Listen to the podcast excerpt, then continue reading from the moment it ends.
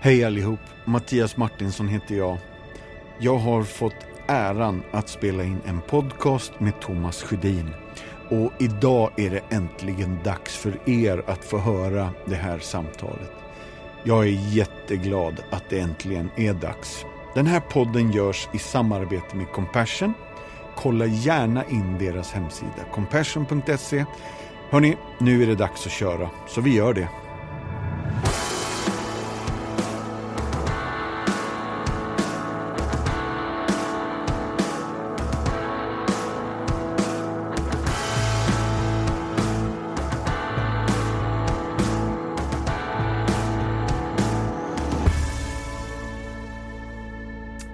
Har redan hälsat välkommen.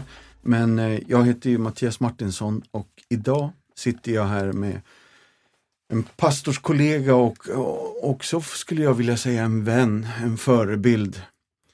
Thomas Sjödin, välkommen hit. Tack. Mm. Du, om jag bara går rakt på sak med liksom vem du är. Eh, hur skulle du beskriva dig själv med fem ord? Relativt trygg. Eh, kanske mitt norrländska påbrå. Eh, brinner för saker som jag eh, älskar. Och då går jag igång på det. Eh, relativt rastlös. Eh, ganska uthållig. Eh, allt tröttare med åren. Allt rätt. Det var fem, bra! Vad spännande. Om, om frågan skulle komma, när blev du berörd senast? Det går ju att svara på olika nivåer, men när upplevde du dig berörd av någonting, kanske mer på djupet? Eh, igår kväll. Ah, eh, i ett jättesvårt samtal som eh, där jag kände så här, här finns ingen väg. Det finns bara, det finns bara dåliga, två, två alternativ, två dåliga vägar eller, eller jobbiga vägar, hur, vad, vad Ja. jag än gör. Ja. Liksom. Då, då, då plötsligt så kom jag på en jättegammal händelse som jag inte har tänkt på på år. Som bara plötsligt var där. Eh, och som jag, jag väljer att hålla för mig själv. Men det var ett sånt där minne av hur det plötsligt bara uppstod. Alltså, hur det uppstod en väg som inte fanns. Alltså, det, det, det, den, den, som, som, som i ett, under, ett underverk, liksom, ett mirakel. mm. Ja. Och, och så kom minnet av hur jag fick det där berättat för mig av en gammal släkting. Liksom. Den här händelsen som bara precis innan han dog ville berätta det här för mig av någon anledning. Och det minnet kom, kom liksom, och jag blev, blev otroligt berörd av det. Alltså att hur, där jag tror att Gud kan väcka sånt som ligger liksom slumrande i en och har legat slumrat där i årtionden. Och så plötsligt i ett ögonblick så räcks det fram. Liksom. Någon hämtar fram det ur, ur de där djupaste förråden. Som det där bibeln där det står om en vis man som ur sitt för- förråd kan hämta fram både gammalt och nytt. Men eh, ja, det blev... Ja, jag är fortfarande lite, lite svajig av det faktiskt. Ja, men, Mm. Kunde du använda den här minnesbilden Absolut. som en spegling i situationen? Absolut. Den var där som, som någon slags, som åtminstone räckte mig i tron på att det kanske finns en väg här mm, som jag inte har sett. Åh, vad gött. Mm. Tack för att du delar.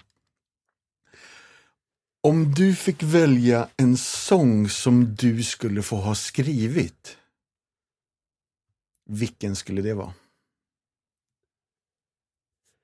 Jag lyssnar väldigt ofta till en, till en sång som heter Jag väljer dig med Martina Möllås. Ja. ja. En, en lång period lyssnade jag på den varje morgon faktiskt. Jag, liksom, som en del av min morgonandakt. Den, den önskar jag att jag hade skrivit. Jag tycker att den är så kortfattad och så kärnfull. Eh, Och det finns en vändning i den att den liksom är, första delen är jag väljer dig.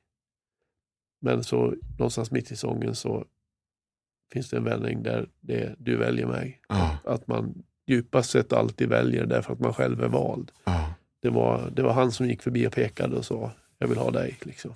Ja. Nu var andra gången på två dagar som jag blir berörd. Åh, vad ska det här gött. sluta? Åh, vad fint. Ja, men jag är så Ja, den tacksam. sången, den, den, eh, och det är ju det där att, att skriva någonting som är så, så, så samlat och så avskalat, för det är en otroligt avskalad sång. Ja. Men, men som ändå säger nästan allt.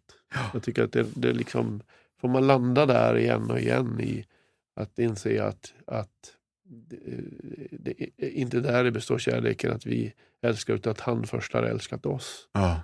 Så det, det är någonstans där allt skrivande och skapande och allt det handlar ju om att man vill hitta det enkla sättet att säga det som är stort. Liksom. Men så att, det finns, så att det finns en chans att det skulle kunna gå in. Ja. Jag tar den. Ja, du, nu vågar jag ju nästan inte fråga nästa, men om du fick skriva en bok då? Eh, det, du nu har ju skrivit massa böcker själv, det vet jag. Ska, kan jag välja någon av mina egna? Eh, vilken bok önskar du att du har skrivit? Finns det någon bok som liksom har följt med dig mer än någon annan? Det är nog svårt att säga en tror jag där, för det finns, det finns ganska många. Ja, Men när jag, när jag skrev boken om så, den som heter Det händer när du vilar, mm. eh, så, så läste jag ju mycket, den, den bygger mycket på den judiska sabbaten kan man säga. att det, det är liksom, eh, rotsystemet till den boken är att jag försökte sätta mig in i vad, vad, vad, är, vad är det som gör att judarna håller sabbaten så högt och då fa, faller det i min värld ut i en rad saker som är väldigt praktiska som man kan praktisera här. Och då läste jag ju en bok av Abraham Joshua Heschel, den har jag läst flera gånger sedan, sedan dess Mm. eh, som heter The Sabbath, som är en klassiker liksom i den här branschen. Och det, det är en sån bok som man tänker sig, oj, om man kunde skriva en sån bok, den är typ 98 sidor tror jag. Bara. Det är liksom ett, mer som ett litet häfte, en liten pamflett. ja, Eh, men så djupsinnig och så klok och på ett sätt så enkel. Alltså, det här, är just, just där ligger det att man att hitta ett ganska vardagligt enkelt sätt att säga det som är outsägligt egentligen. Men, men att ändå hitta ett språk för det. För det. mm. Och där, ligger ju, där ser jag ju själv väldigt mycket av min egen kallelse, mitt eget uppdrag. Att jag vill, vill vara i, liksom i, det, i den sfären. Att på något, på något sätt med vanliga ord skriva om heliga ting på något sätt. ja. Vad hette han igen bara vi som vill googla? Abraham Joshua Heschel. Abraham Joshua Heschel. Mm. Underbart namn Mm. också. Vilken bok. Ja, vad gött. Och om eh, frågan ställs om och så frågar vi vilken film skulle du vilja ha spelat in? Eller regisserat? Eller? Jag är ingen stor sån här cineast eller vad det heter, men jag tittar ibland. Nej, men en, en film som jag alltid har älskat, det är ju Shadowlands. Om Ja. C.S. C.S. Lewis och hans hustru Joy eller Helen. Ja, Som ju eh, på många sätt rör en. Dels för att det är C.S. Lewis och det handlar om och man får en inblick i hans liv, men också det är ju en vidunderligt vacker kärlekshistoria ja, och så djupt sorglig. Men också en drottning med tron som ju är på filmduken som, eh, som är fantastisk. Och det, jag glömmer aldrig när jag såg den på bio, därför att då hade vi, 93 va? ja något sånt. Ja, Då hade vi bestämt efteråt att vi skulle gå ut och fika med ett par som, som, också, som vi stötte på och de skulle också se den. Och så när vi gick in så sa vi, åh vad kul, då kan vi väl ta en kaffe efteråt. Liksom. Ja, absolut ingen som ville fika eller göra någonting. Alla bara sa liksom, tack och, så gick vi hem. ja, för, liksom, det var helt omöjligt att prata för någon av oss ja. efter den filmen. Väldigt, väldigt speciell film. Mm. Jag, jag har den på VHS. Har du den på DVD alltså? Att jag, tror, jag tror att jag har den på DVD. Den är ju väldigt svår att få tag på Ja. nu. Anthony Hopkins spelar ju C.S. Lewis. Mm. Ett eh, Det, det lysande skådespeleri, verkligen. Och vilket eh, spännande filmval. Eh, eh, hela världen är just nu på ofrivillig och oönskad retreat just nu. Eller karantän heter det ju. Mm. Om du fick säga någonting till mänskligheten, vad skulle du säga i den här tiden? Tvätta händerna. Hålla avstånd. Nej, det är en omöjlig fråga. Alltså det, det, det, det, det för det första så, så, tycker jag att man ska... ibland drar vi för mycket slutsatser av den här liksom karantänen och allt gott som kan komma ur den och så. Jag tycker först vi ska ta karantänen på allvar. Ja. Och, och, in, och, inte tänka för snabba lärdomar och så, utan ska man först, vi ska först vara noggranna med att ta, vara i den och ta oss igenom den. Och det skojar lite när jag sett det, men ändå att man kan tänka att vi, att vi nu gör, gör allt vi kan för att bara hålla den. Och jag, jag tycker jag ser lite oroande tendenser på att man börjar släppa det här nu så är det inte så farligt när det har gått över. Vi återgår till det vanliga lite för fort. Eh, och, och, och vi, vi är så snabba också på, på, att säga vad lärde vi oss av det här? Och, vad kan vi dra för gott ur det här? Just det. Eh, och det kommer säkert en period när vi kan börja upptäcka det. Jag tror vi, det kommer mycket gott ur den. Men just nu är, är vi nog fortfarande i ett läge där man ska säga att nu ska vi först och främst så ska vi lyssna på goda råd och följa dem. Mm. Sen, sen är det här som du säger en ofrivillig retreat. Mm. Eh, och det där är lite dubbelt därför att för de människor som ständigt lever i den ensamheten så är det här bara i stort sett bara en plågsam retreat. Mm. Därför att den bara förstärker och fördunklar en en ensamhet som de har levt i alldeles för länge och som de, inte, som, som de är trötta på. Mm. För oss som springer fort och gör mycket och allt det här så, så har ju vi en chans här att stilla ner oss och lyssna mer, ta vara på tiden till läsning, fördjupning som, som vi kanske inte tycker att vi har hunnit innan. Men, det, men det, det, det gapar en slags avgrund mellan de här två grupperna och det ska man aldrig glömma när man, när man säger vad vi ska lära oss. Mm. Vi kanske skulle tidigare också lyssna på många av dem som, som har valt att leva lite mer isolerat. För det finns ju faktiskt en hel del människor som gör det. Eh, och vi kanske skulle ha lyssnat lite mer på våra äldre. Innan, innan det blev som det blev nu. Mm. Och höra vad de har dragit för ens erfarenheter av sina liv. Aningen isolerade. Mm. Jag har inget budskap till världen, det har jag inte i några frågor. Nej. Jag är ingen världskille, jag är Nej. lokal. Det är bra. Ytterst lokal. Mm. Nu ska jag bara säga ett ord och så får du säga vad, vad det betyder. Mm. Gudmunrå. Underbart. Vad är det för plats? Gudmundraå är församlingen där Kramfors ligger. Alltså Gudmundraå församling. Där är jag född och uppvuxen. I staden Kramfors. Och där ligger Gudmundraå kyrka. Vackert med liksom ansiktet ut mot kyrkviken som ligger nedanför. Och där vid den kyrkviken har jag vuxit upp. Så är det. Gudmundraå är ett vackert ord för mig. Ja. Du hör själv på ordet Gudmundraå. Ja, men jag, jag tyckte också det var Fint. spännande. Ja, vad Det häftigt. börjar med Gud. Liksom. Ja. Det behövs i Kramfors faktiskt. Ja. Som är, annars är en, det är en liten, tyvärr en liten avfolkningsbygd kan man säga. Det. ja. De stora industrierna, har, deras tid är över. Och det, var ju, det var ju ett blomstrande industriliv med, med Ångermanälven och skogen och, och så. De stora eh, de här bru- pappersbruken. Men inte mycket av det finns ju kvar idag. Så det är klart att det är, det är, det är en stad lite på dekis. Mm. Men jag älskar Kramfors. ja. Det är nästan det jag saknar mest nu när man inte kan resa. Det är att jag inte kan åka upp dit. Eh, Det finns inget ställe i världen jag vilar så bra på som hemma. Liksom. Trots att hemma är inte hemma längre. Ja, just det. Har ni fortfarande släkt kvar där? Jag har en bror där. Ja, Ja, och så har jag en moster och morbror som bor ute vid havet i, i Nordingrå. just Det är också ett vackert ord, Nordingrå. Ja. Mm. Ja, det var vackra orter det här. Ja, Och vi är ju i Höga Kusten när vi pratar om detta som ju är en väldigt dramatisk kustbit av Sverige. ja.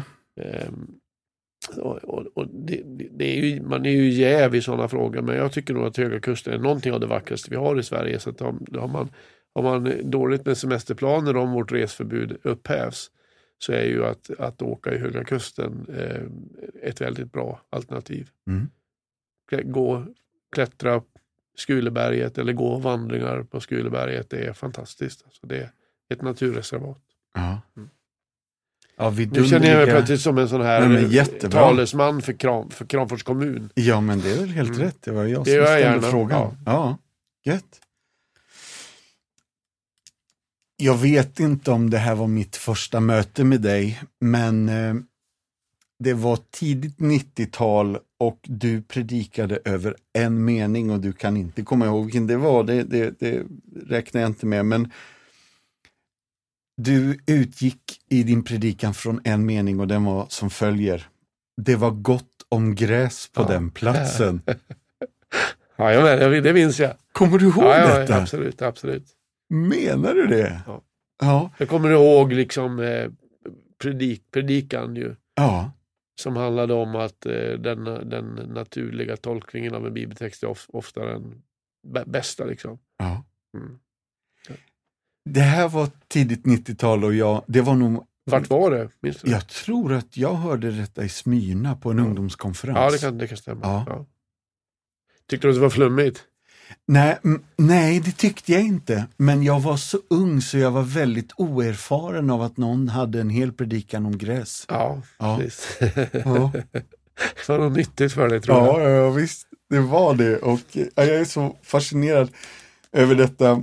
Så det leder Jag till skulle kunna hålla den predikan idag igen. Alltså. Är det så? Ja, det skulle jag absolut Mm. kunna göra. Därför att det, det, hela, den, det, det, var ju, det var ju flera spår. Det ena, det ena var ju att det var en, en, en predikan som handlade lite grann om bibeltolkning. Alltså att man att inte, inte förandliga allting utan också våga se att den liksom den, den, det som kallas för den naturliga betydelsen av en text är ofta den som ligger närmast. Alltså står det, står det gräs i Bibeln så är det gräs först. Det. Liksom. Mm. Det är inte symbol för någonting.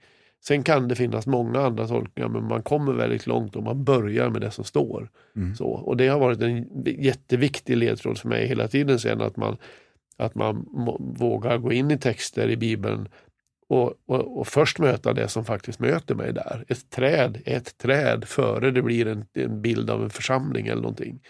Eh, och, och, och sen hela den här naturkopplingen, den är jag ju fortfarande kvar i jättemycket. Alltså att jag, eh, att jag är mycket, jag är ju mycket i skogen varje dag faktiskt. Och eh, liksom, jag, jag känner att jag formas mycket av det och att mycket av min teologi har tagit smak av, av att, att naturen är en väldigt viktig liksom, uppenbarelse av, av Gud. Att, Mm. att Gud säger någonting tydligt i naturen som finns där att tillgå. Det, det är bara att gå ut och lyssna, så det finns där. Ja, och att vi ibland istället har stängt in oss bara i en kammare och, och bett att Gud ska tala. Men, han talar redan i hela skapelsen och det, det är ett spår som, som ibland har gått förlorad i, i min tradition i alla fall. Ja. Eh, jag är helt med dig och det här är ju någonting liksom, om du skulle ge oss några bibeltexter, om man vill fördjupa sig i det här, som psalm 8 till exempel gör ju detta väldigt tydligt. Ja. Eh, eh, psalm 19. 19 skulle jag säga Ja. faktiskt. Den, Mm. det, det, den och att, att läsa psalm 19 i The Message, alltså Eugene Petersons översättning, Ja. den är helt fantastisk. ja. Mm.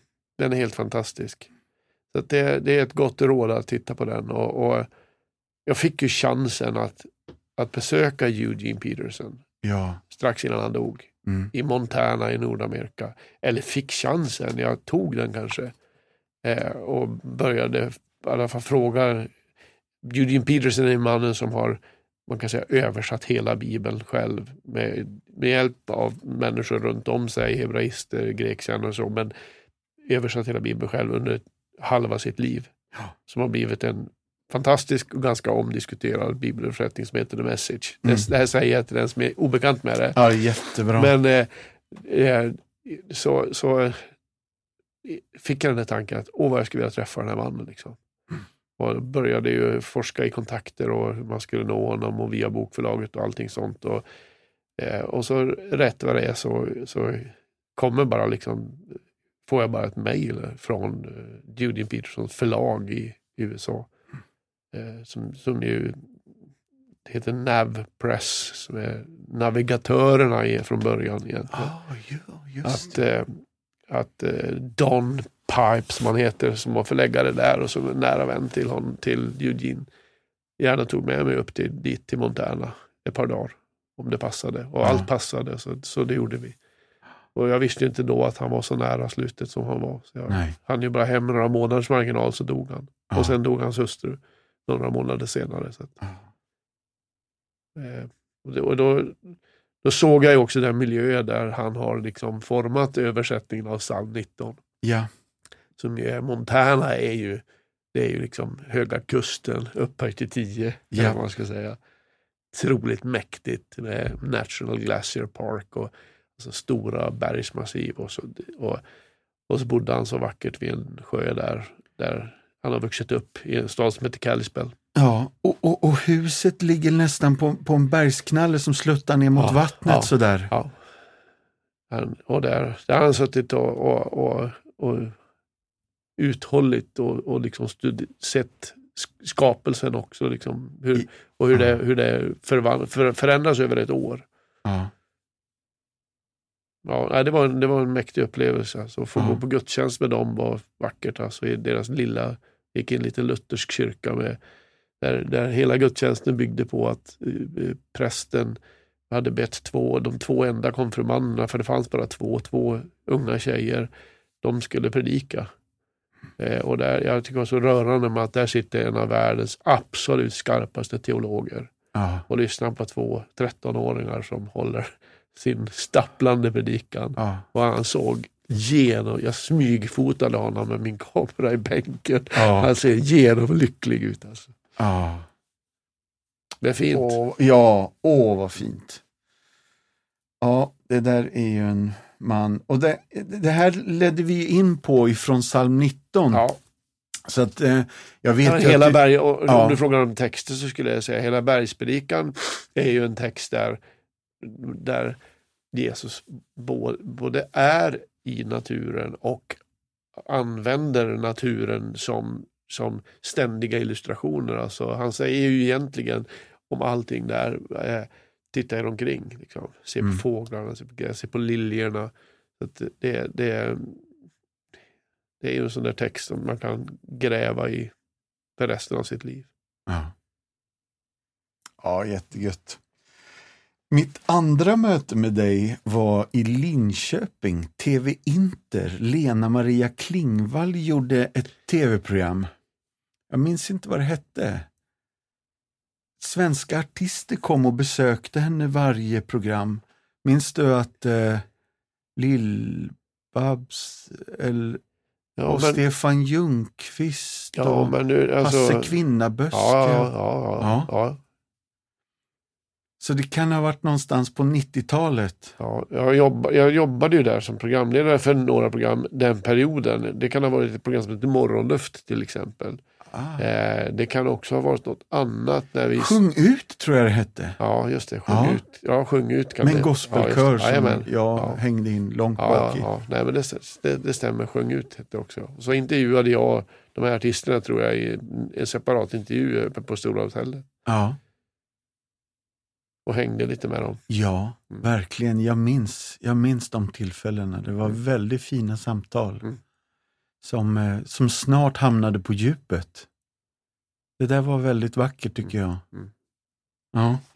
Eh, eh, någon gång så sprang vi där i trappan och vi, vi Vad förundrades. du och- minns? Ja, men ja, Ja, ja, det är inte bra. Berätta, ja, berätta. Jag avbröt Vi sprang i trappan eh, och hade lyssnat på Tommy Smiles poporkester Ja. som sjöng så här.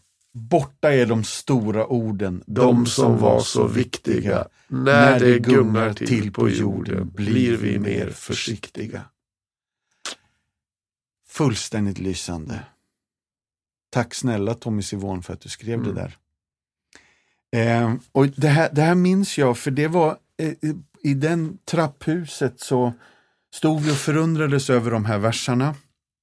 Men sen berättade du också titeln på din nya bok som du höll på och skrev på. Och så, och så bara namedroppar du idén och testade den. Eh, när träden avlövas, ser man längre på. Mm. Ja men du vet vi ungefär, måste ha varit 96 då? Ja. 95? Mm, 96 tror jag. Ja, Mm. just det.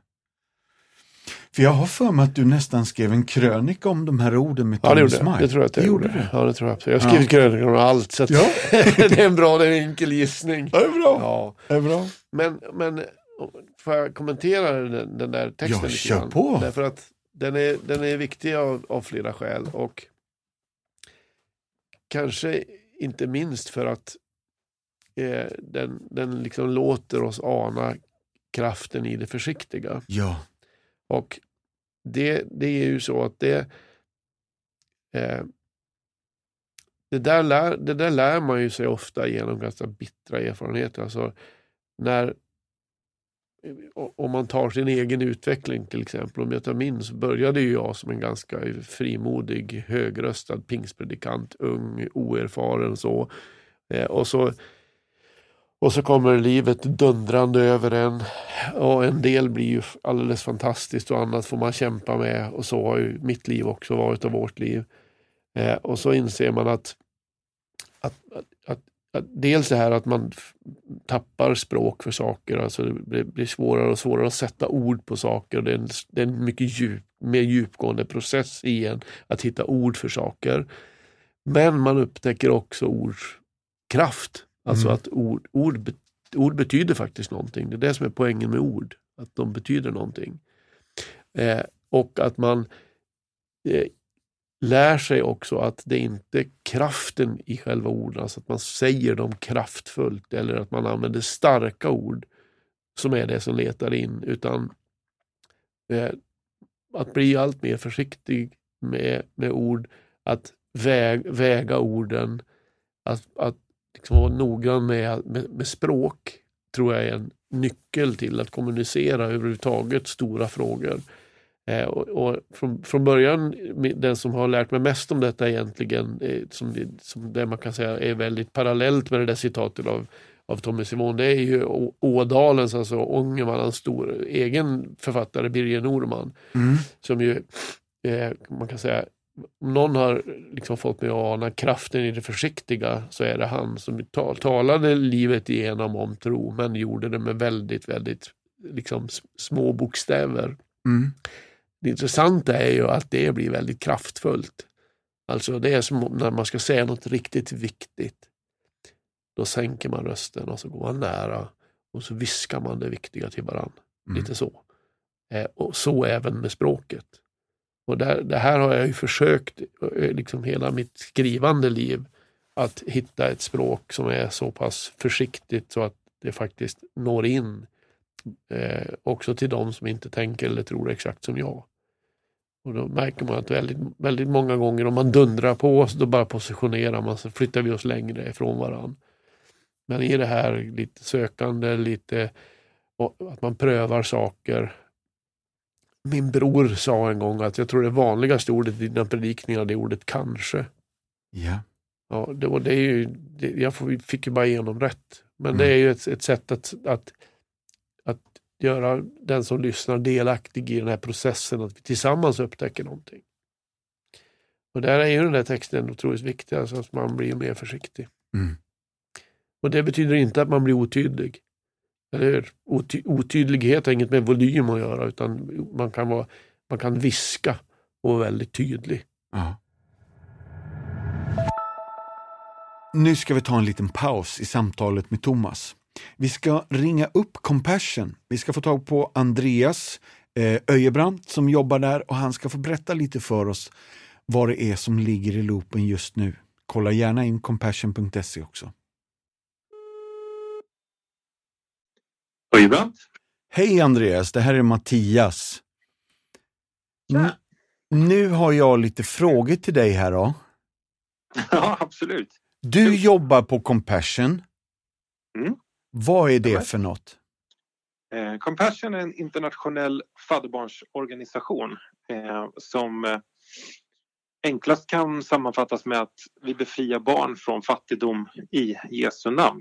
Eh, och vi hjälper ungefär drygt 2,1 miljoner barn i 25 länder. Just det. Mm. Du, eh, jag vet att ni har en kampanj just nu. Vill du bara berätta lite om den också? Yes, det, det är en global kampanj som heter We Rise as One. Eh, och det handlar om att bekämpa corona i tredje världen i de 25 länder där vi arbetar i Asien, Afrika och Sydamerika. Eh, det är ju så att, att de möjligheter vi har här i väst att eh, distansera oss socialt, att eh, arbeta hemifrån och vara extra noga med handhygien och sådär. Det, det är ju extremt svårt att, att hålla i de åtgärderna eh, när man redan lever i tuff fattigdom. Eh, när man inte ens har vatten och rent vatten att dricka så har man än mindre möjligheter att tvätta händerna.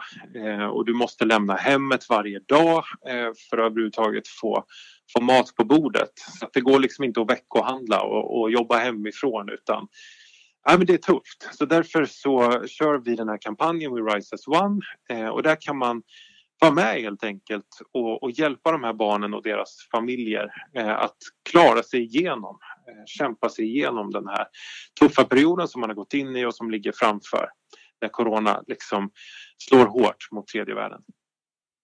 Det här känns ju superviktigt och angeläget. Hur kan Sverige hjälpa till nu då? Eh, ja, enklast är faktiskt att swisha en, en, en gåva till 90 03 64 1. Eh, och eh, som exempel då så kan 400 kronor eh, ge liksom mat på bordet för en familj på fyra personer ungefär eh, två veckor. Är Som Mm. ett exempel. Eh, du kan ge ett valfritt bidrag som, som eh, subventionerar hyran. Eh, för det är många eh, av, av barnen och deras föräldrar som, som kämpar med att betala hyran när man inte kan få in, när man inte kan jobba.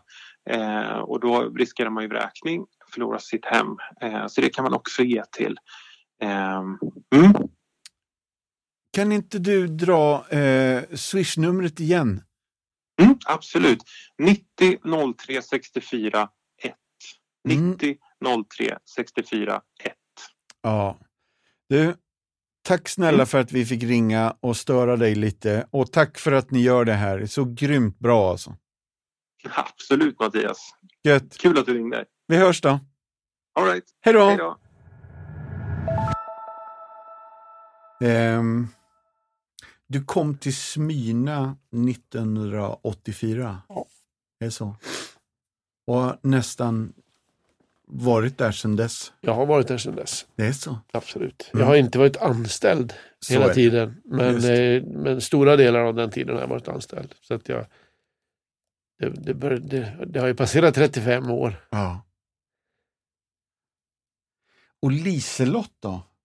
Finns det någon som kallar henne för Liselott? Nej, hennes pappa kallar henne för Lottebarnet. Lottebarnet, Ja. det är ännu bättre. Ja, Liselott Astrid Spång hette hon när jag Ja. träffade henne. Och när gifte ni er? Vi gifte oss 1986. Ja. Hoppas jag säger rätt. ja, Men någonstans i det häradet. det är bra. Ja. Yes. Mm. Och tre... Det är min, och det är min, det är min vinstlott, verkligen. Ja, Det måste man säga. Det, ju, det, det, inser man ju när åren går, liksom, att man tänker sig vem annan skulle kunna vara med mig på den här resan och allt, igenom allt och så fortsätta vara underbar. Liksom. mm.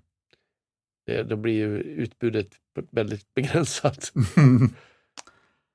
ja fint. Och tre grabbar fick ni. Jajamän. Mm. När, jag på säga, när kom första där då? Jag har lite, inga datum här. Han kom i den för, första kom 1987. Ja. Och det var... Karl Petter. Karl Petter kom Ja. först och sen är det Ja. Jan och Och sen, sen kommer Ludvig. Ludvig. Och två av dem är redan i himlen. Ja. Så är det. Så är det.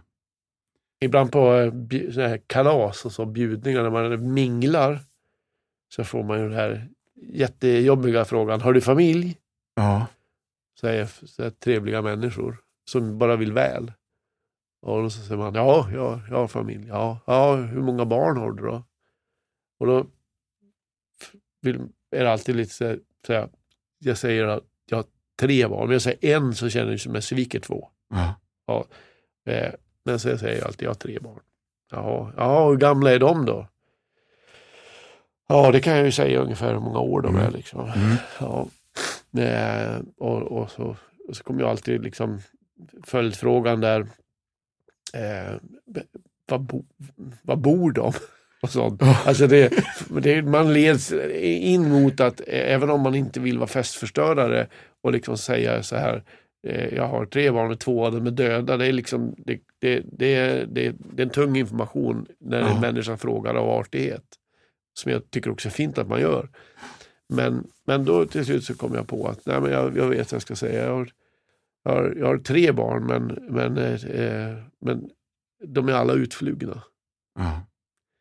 Eh, och det, det, det, då behöver jag inte definiera omedelbart vart de har flugit. Liksom. Nej. Att en bor i Lunden i Göteborg och två av dem eh, bor i paradiset. Ja. Men de är ju inte här med oss. Det är ju, så är det ju. Mm.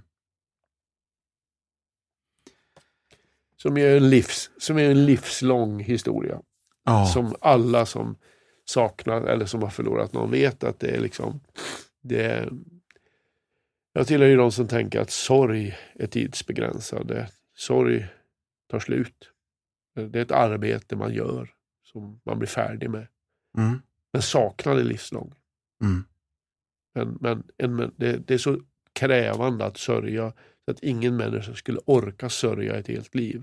Därför tror jag att det finns en barmhärtighet i att man kan komma till en punkt där man säger nu, nu har jag passerat en slags gräns. Nu är inte det här den sortens sorg längre. Jag håller inte på med det arbetet längre utan nu har vi landat lite mer i att nu är det så här. Och, och det, det har, så är det jättetydligt för mig att, att jag kan gå till eh, våra pojkars grav ute vid Säve kyrkogård, på Säve kyrkogård eh, utan smärta. Mm. Men med väldigt mycket saknad. Och man tänker på allt som det skulle ha blivit. Och förlusten av ett barn är också förlusten av deras framtid och allt vad det skulle ha fört in i vårt liv. Och vet, man, hela det här barnbarnsfasen och, eh, och allt det. det, det, det nya, nya perioder påminner ju igen och igen om den, om den förlust man har gjort. Mm. Och det pågår hela livet. Så är det. Och din transparens och öppenhet om det här har ju varit, jag skulle vilja säga till tröst för hela svenska folket. Genom dina kröniker och genom ö, ö, ö, sommar och vinter och prat på radio så har ju den här identifikationen eh, inneburit eh, jag skulle vilja säga själavård för, för miljontals människor. Tack. Mm. Jag har ju många gånger anklagat mig själv att jag varit för öppen. Den kampen får man ju leva med. att Man, man, man lär ju sig inte var de där gränserna går.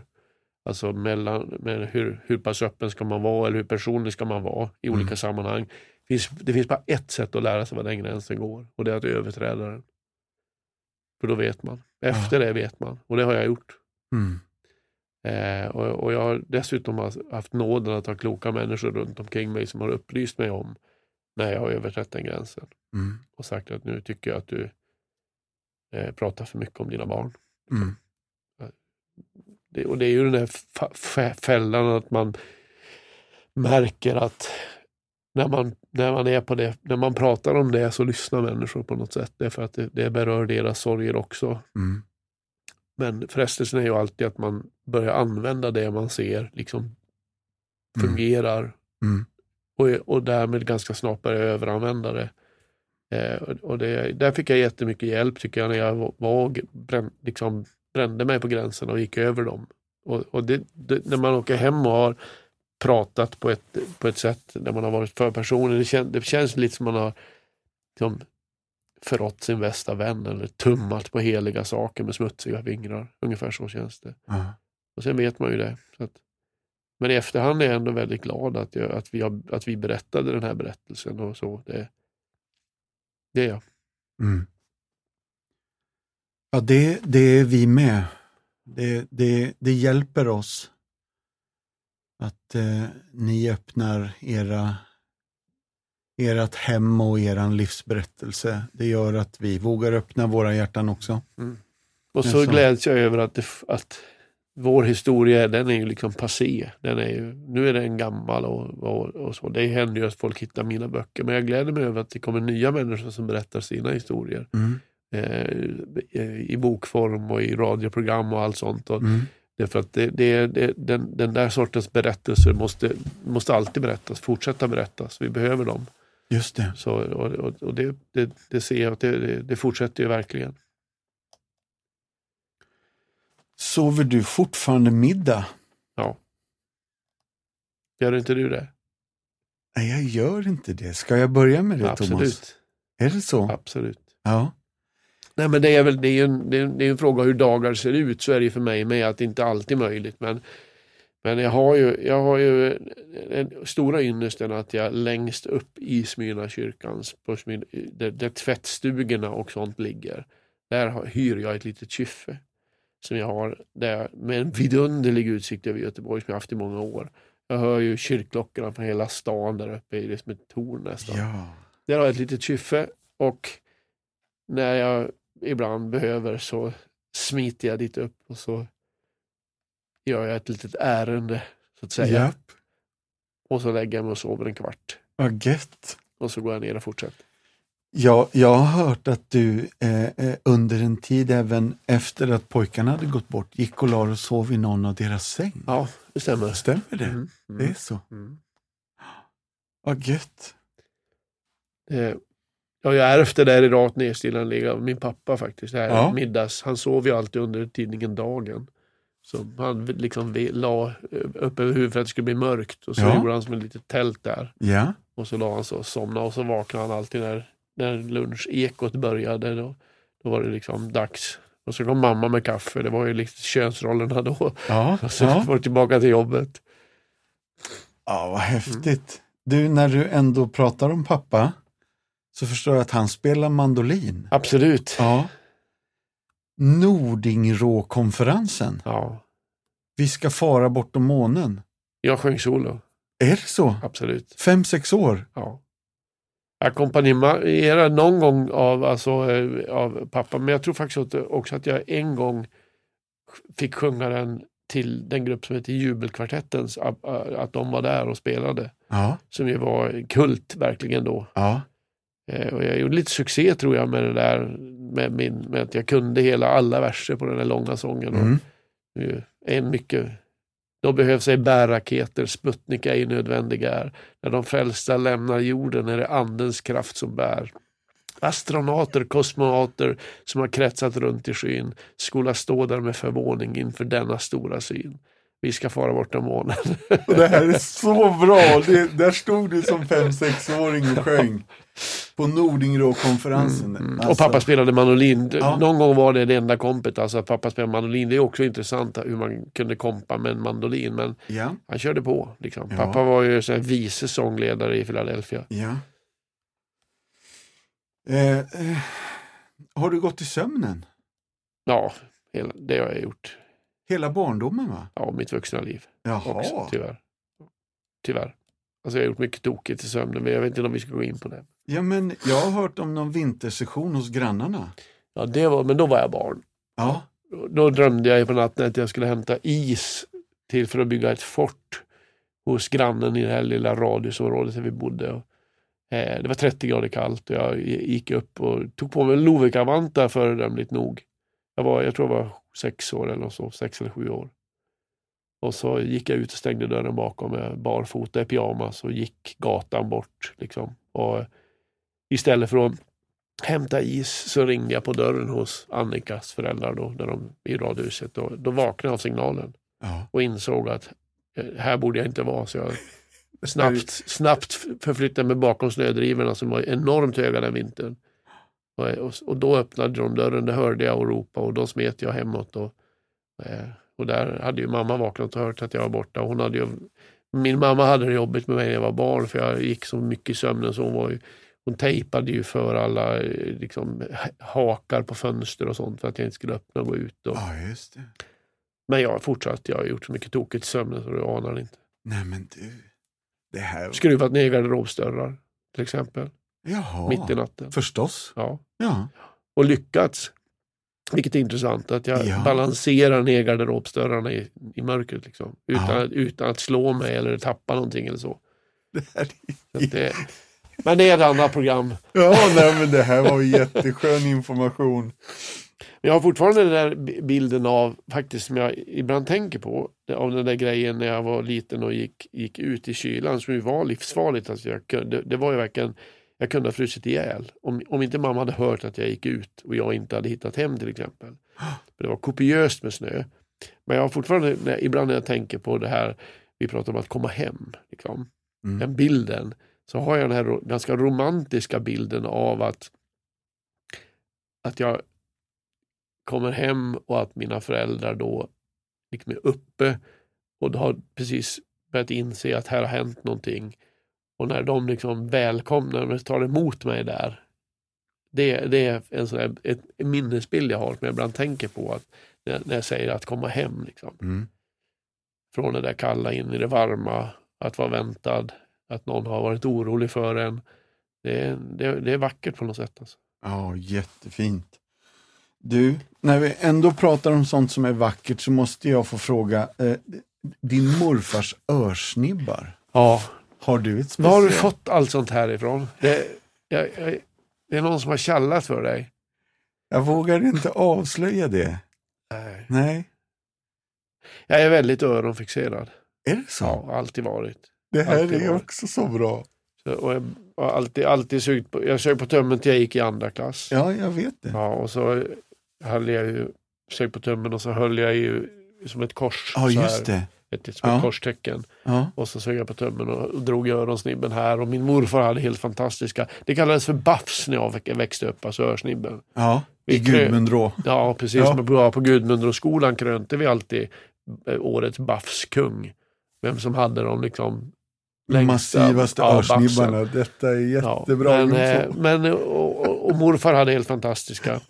Eh, men det är också så att jag, så jag somnar varje kväll så med att jag, att jag, att jag alltid pillar på Lottas öron. Ja, Det har, det har jag gjort hela vårt liv ihop.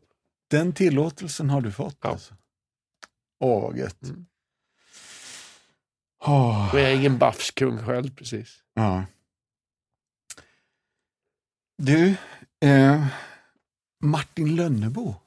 Ja, Hur kom ni i kontakt med varandra?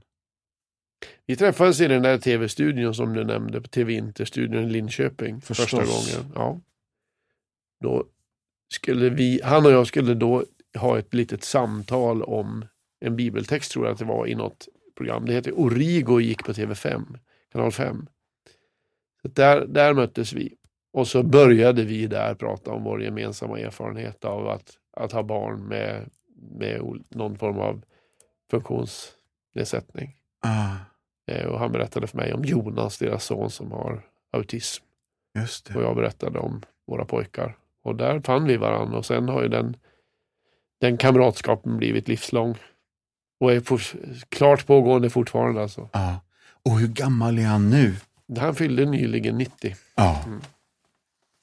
Ja, vad fint. Ja, men en, eh, en eh, betydelsefull man i mitt liv och i vårt liv faktiskt. Mm. Han, han ringer ofta, men han är minst lika, han vill, jag, jag tror han helst vill prata med Lotta faktiskt. De har väldigt mycket gemensamt. Lotta jobbar mycket med Frälsarkransen också i förskolan. Ja. Eh, och bollar saker med Martin där. Och det är ju bra att få bolla direkt med själva skaparen till den. Och, ja. ja, men, och, och, och vi ser alltid till att stanna till och fika lite med dem. Och det, de är ett gammalt par men han är otroligt produktiv fortfarande. Alltså. Ja. kom ganska nyss med en, med en helt ny bok som, som kommer vid 90 års ålder. Det få förunnat. Ja. Vägen runt sjön eller något sånt där tror jag den heter. Mm. En, en bok om i pärlornas, pärlornas era. Mm. Ja, och detta, jag ska strax avrunda, men detta leder ju fram till vart du är nu, Thomas. Ja, För jag har förstått att du håller precis på och skriver klart eller eh, Mm. ordnar din senaste bok här. mm. Jag höll på att säga sista, ja, men det, det- precis. ja, nej, jag nej. såg det. Ja. Ja. Kan du berätta lite? Mm, ja, jag, det är jag, jag är på något sätt alltid med, med en bok. Liksom. Ja. Så är det. Och, och, men den här boken har jag hållit på med ganska länge. Och, jag, och emellan har jag liksom kommit med lite annat då. Till exempel det här att, jag, att vi ger ut mina krönikor för Göteborgs-Posten i bokform. Ja. Vilket ju har varit in, en intressant upplevelse för mig att, att det har funkat så bra. För där har ju alla sagt att det går, krönikor går inte att sälja. Och, och så. Men det, det har ju visat sig att det, det har på något sätt blivit en bonus i mitt liv också att de ges ut i bokform och, och sprids och översätts. Och, och det är intressant när, vi, när förlaget har förhandlat med nya länder. Så eh, det, det, är far, jag far omkring lite grann i Tyskland och Holland och lite andra där böckerna finns publicerade och de nordiska länderna förstås, så är nästan alltid första budet att när man har, det börjar nästan alltid, det ett nytt land börjar nästan alltid med det händer när du vilar för mig. Ja. Det är liksom ingången. Och sen om den funkar så säger vi vill, vi vill, ha, vi vill översätta något mer. Ja, och då, då när förlaget visar vad som finns så säger de alltså absolut inte kröniker. Det går inte att sälja i Tyskland. Det var, det var, det var jätteintressant. Mm. Det var bara så här, allt annat än krönikor. Alltså det är helt osäljbart i Tyskland. Men så någonstans så har det visat sig i, i mer än ett land att, att till slut har de sagt att ja men okej då, vi, vi chansar. Och så har det visat sig att krönikorna har funkat alldeles utmärkt i Tyskland. Gött. Vilket är roligt. Men, men det blir för mig också en period av, alltså att det är ju redan skrivet material så att det blir en slags vi, viloperiod för mig när något år kom, en sån bok kommer. För då får, då får jag någon slags bonusår där. Där jag kan ägna mer tid åt lite längre linjer och texter. Då, va? Och så att nu, nu har jag skrivit en bok som kommer heta Ljudet av tystnad. Eh, och som kommer i oktober. Eh, och det är, det är en bok som egentligen börjar i tystnad eh, och leder in kan man säga mot bönens värld. Men där jag har haft någon ambition att försöka hitta ett språk för bön som, ja, som är försiktigt. Som vi pratade om förut. Ja. Alltså, hitta en ett gemensamt språk för även om man inte tror som jag, men man skulle kunna börja stå på och liksom närma sig att se sig själv som en bedjare. Det jag tror att väldigt många människor gör. Jag tror att människor, jag tror att i stort sett alla människor på något sätt ber, men man definierar sig inte själv som en bedjare, utan det här är något mer, man, man kallar det för något annat. Eh, och, och där upptäckte jag plötsligt att dels att tyst, tystnaden håller på att gå förlorad i vår värld som är en stor fråga. Alltså en global fråga, att det finns snart inga tysta platser kvar. Eh, vad gör det med oss? Eh, och inte minst att tystnaden är en, en fantastisk liksom, ingång till bönens värld. Eh, som, som vi ibland har pratat sönder genom att allt för mycket fokusera på att bön är någonting man gör, något man säger. Eh, så där, där har jag hållit på ganska länge och jag är, jag är precis i slutfasen Mm. med det. det. Det mesta är, ja, jag kanske gör ett kapitel till men själva boken är genom många processer. Mm. Jättespännande. Ljudet av tystnaden. Mm. Mm. Ljudet av tystnad. Tystnad. Mm. Mm. Oktober 2020. Ja. Ja. Ingen världshändelse precis men det är roligt för mig Ja, du, att det kommer en bok. och vi ser igen. fram emot Ja. detta Thomas. Det är jättegott. Du, innan jag avslutar, är det någonting du vill slänga med att det här känns angeläget att få sagt eller? Någonting du tycker, något viktigt du tycker vi har glömt eller? eh, Ja, men jag tycker det var ett fint samtal. Det var Vad roligt att prata med dig tycker Mm. jag. Eh, och, och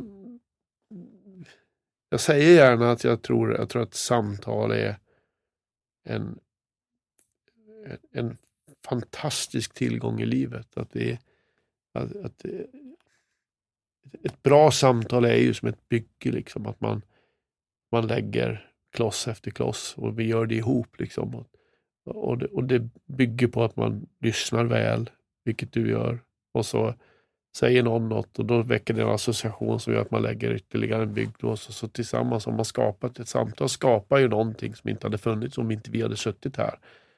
Och varje sådant samtal är helt unikt. Mm. Så också samtalet med Gud.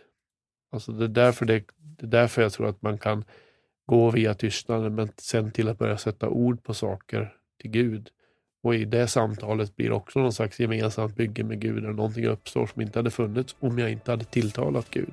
Mm. Och där jag tror att, att tystnaden är oändligt viktig men också där det är viktigt att faktiskt få säga något ibland. Mm. Både höra något och säga något. Så tack. Ja, tack. Det är vi som ska tacka. Tack Thomas för idag. Jättegott att du ville hälsa på oss.